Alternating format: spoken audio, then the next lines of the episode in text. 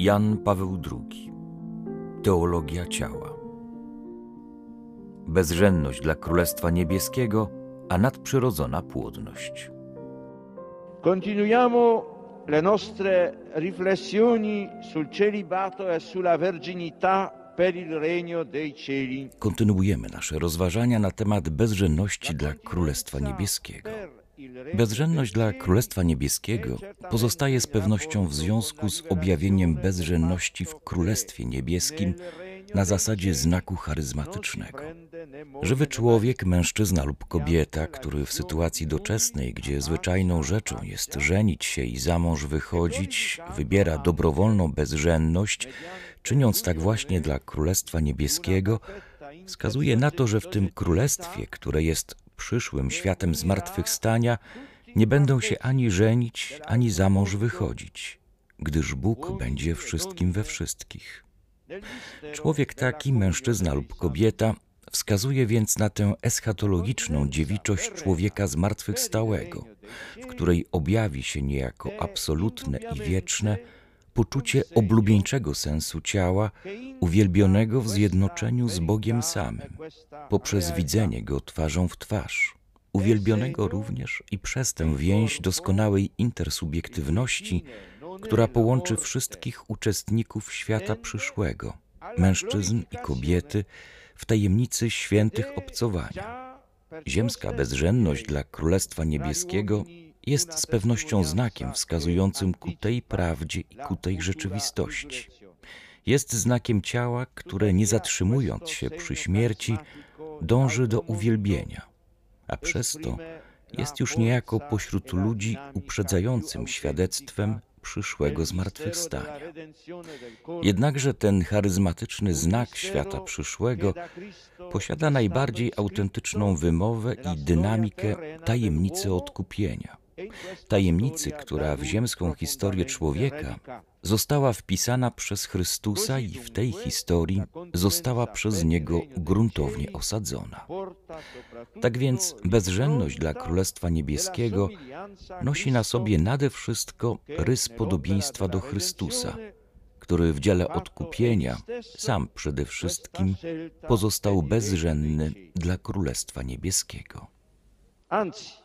Tutta la vita di Cristo, fin dall'inizio, fu un discreto ma chiaro distacco Co więcej, całe życie Chrystusa od samego początku było dyskretnym, niemniej bardzo wyraźnym odejściem od tego, co tak głęboko zdecydowało o poczuciu sensu ciała w Starym Przymierzu.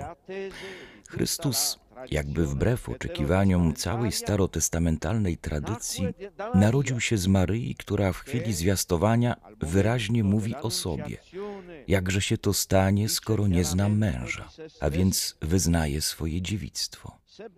A chociaż rodzi się z niej, tak jak każdy człowiek, jako dziecko ze swej matki, chociaż temu jego przyjściu na świat towarzyszy również mężczyzna, który jest oblubieńcem Maryi i wobec prawa i ludzi jej małżonkiem, to przecież macierzyństwo Maryi jest dziewicze, a temu dziewiczemu macierzyństwu Maryi odpowiada również dziewicza tajemnica Józefa, który idąc za głosem z wysokości, nie zawahał się wziąć do siebie Maryi, albowiem z Ducha Świętego jest to, co się w niej poczęło.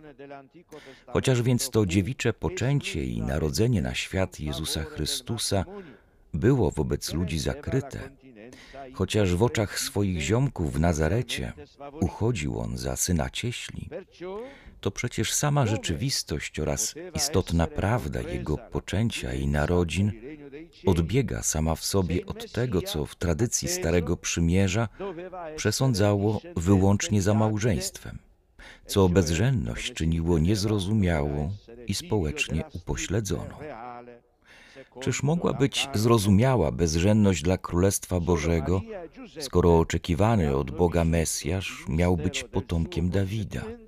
Jak mniemano, miał być synem pokolenia królewskiego wedle ciała. Dopiero Maryja i Józef, którzy doznali tajemnicy jego poczęcia i narodzin, stali się pierwszymi świadkami innej niż cielesna płodności, płodności z ducha. Z ducha świętego jest to, co się w niej poczęło. La storia della nascita di Gesù sta certamente in linea con la rivelazione di quella continenza.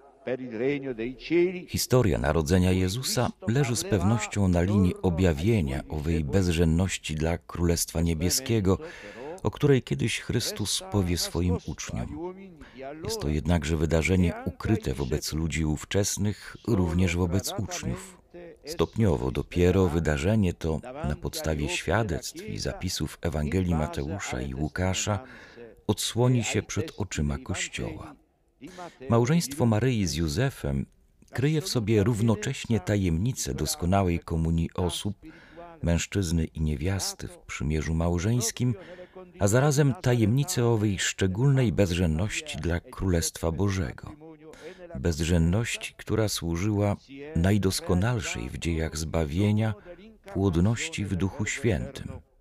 Owszem, była poniekąd absolutną pełnią tej duchowej płodności, skoro właśnie w nazaretańskich warunkach owego przymierza Maryi i Józefa w małżeństwie bezżenności urzeczywistniał się dar wcielenia Słowa Przedwiecznego.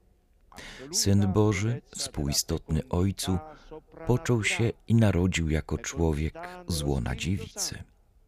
Łaska Unii hipostatycznej łączy się z tą właśnie poniekąd absolutną pełnią nadprzyrodzonej płodności, płodności w Duchu Świętym, jaka stała się udziałem człowieka Maryi w porządku bezżenności dla Królestwa Bożego.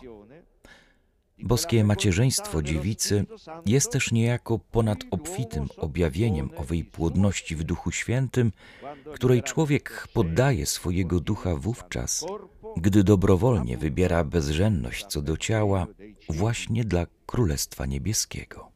Tale immagine doveva gradatamente disvelarsi davanti alla coscienza della Chiesa nelle generazioni sempre nuove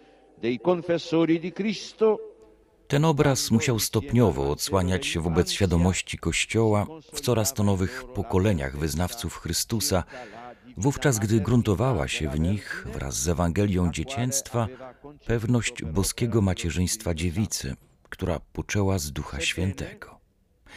Jeśli nawet w sposób tylko pośredni, to tym niemniej w sposób bardzo istotny i zasadniczy, pewność ta musiała dopomagać z jednej strony w zrozumieniu świętości małżeństwa, równocześnie zaś w zrozumieniu owej bezżenności dla Królestwa Niebieskiego, o jakiej Chrystus powiedział swoim uczniom. Wówczas jednak, kiedy Chrystus powiedział im to po raz pierwszy, ta wielka tajemnica Jego poczęcia i narodzin była im całkowicie nieznana. Pozostawała ukryta przed nimi tak, jak była ukryta przed wszystkimi słuchaczami i rozmówcami Jezusa z Nazaretu. Kiedy Chrystus mówił o bezżennych, którzy się sami na to skazali dla Królestwa Niebieskiego, uczniowie mogli to zrozumieć tylko na Jego własnym przykładzie. Bezżenność taka musiała się utrwalić w ich świadomości jako szczególny rys podobieństwa do Chrystusa, który najwyraźniej sam pozostawał bezżenny dla Królestwa Niebieskiego.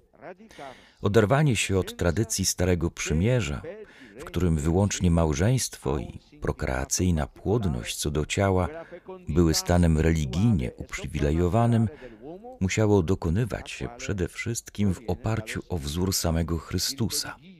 Stopniowo też tylko mogło dochodzić do świadomości to, że dla Królestwa Niebieskiego posiada szczególne znaczenie owa duchowa i nadprzyrodzona płodność człowieka, która pochodzi od Ducha Świętego, a której w szczególnym znaczeniu i określonych wypadkach służy właśnie bezżenność, i że to jest właśnie owa bezżenność dla Królestwa Niebieskiego. Te wszystkie mniej więcej elementy ewangelicznej świadomości na ten temat odnajdujemy już u Pawła, jak to w swoim czasie postaramy się wykazać. Streszczając, możemy powiedzieć, że głównym tematem dzisiejszego rozważania był związek między głoszoną przez Chrystusa bezżennością dla Królestwa Niebieskiego, a nadprzyrodzoną płodnością ducha ludzkiego, która pochodzi od Ducha Świętego. e che proviene dallo Spirito Santo.